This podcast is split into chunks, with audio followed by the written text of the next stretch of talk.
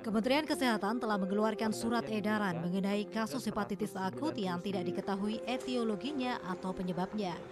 Gejala penyakit hepatitis akut ini antara lain peningkatan enzim hati dan gejala gastrointestinal. Yang dapat berupa perubahan warna urin menjadi gelap, ya, berwarna seperti Coca-Cola, ya, dan atau fesesnya pucat Kemudian pada tahap yang lebih lanjut bisa terdapat kuning pada mata dan pada kulitnya. Kemudian bisa terjadi gejala gatal, bisa disertai nyeri sendi atau pegal-pegal, mual dan muntah, atau nyeri perut. Kemudian anak merasa lesu, lelah, lemah, dan kehilangan nafsu makannya. Kemudian bisa juga disertai dengan gejala diare, serta gejala yang berat disertai dengan penurunan kesadaran dan juga bisa terjadi kejang-kejang. Melalui pemeriksaan laboratorium, angka tes SGPT dan SGOT pasien hepatitis akut bisa di atas 500 unit per liter atau lebih dari 10 kali nilai normal. Data Kementerian Kesehatan per 9 Mei 2022, ada 11 pasien anak dengan dugaan hepatitis akut dan 4 orang masih menunggu hasil pemeriksaan.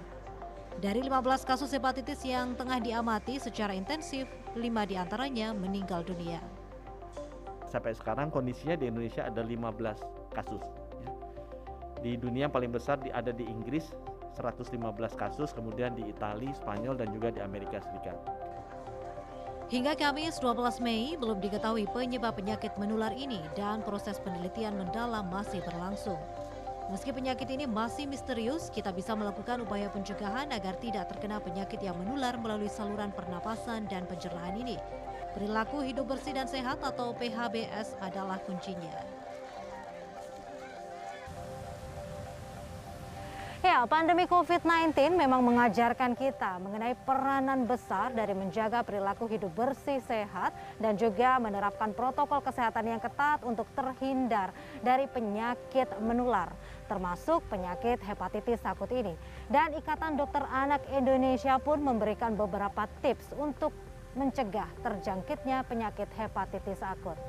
Yang pertama adalah mencuci tangan dengan sabun dan benar, yang kedua, meminum air bersih yang matang.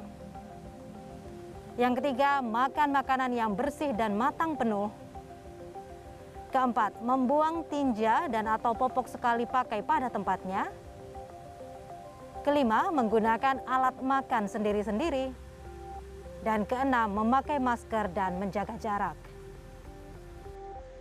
Warga juga disarankan untuk menghindari menggunakan kolam renang umum untuk saat ini dan segera memeriksakan diri ke fasilitas kesehatan bila mengalami gejala-gejala seperti penyakit kuning pada kulit dan mata, mual, diare, dan nyeri. Wida Subianto, Didin Iswandani, Surabaya, Jawa Timur.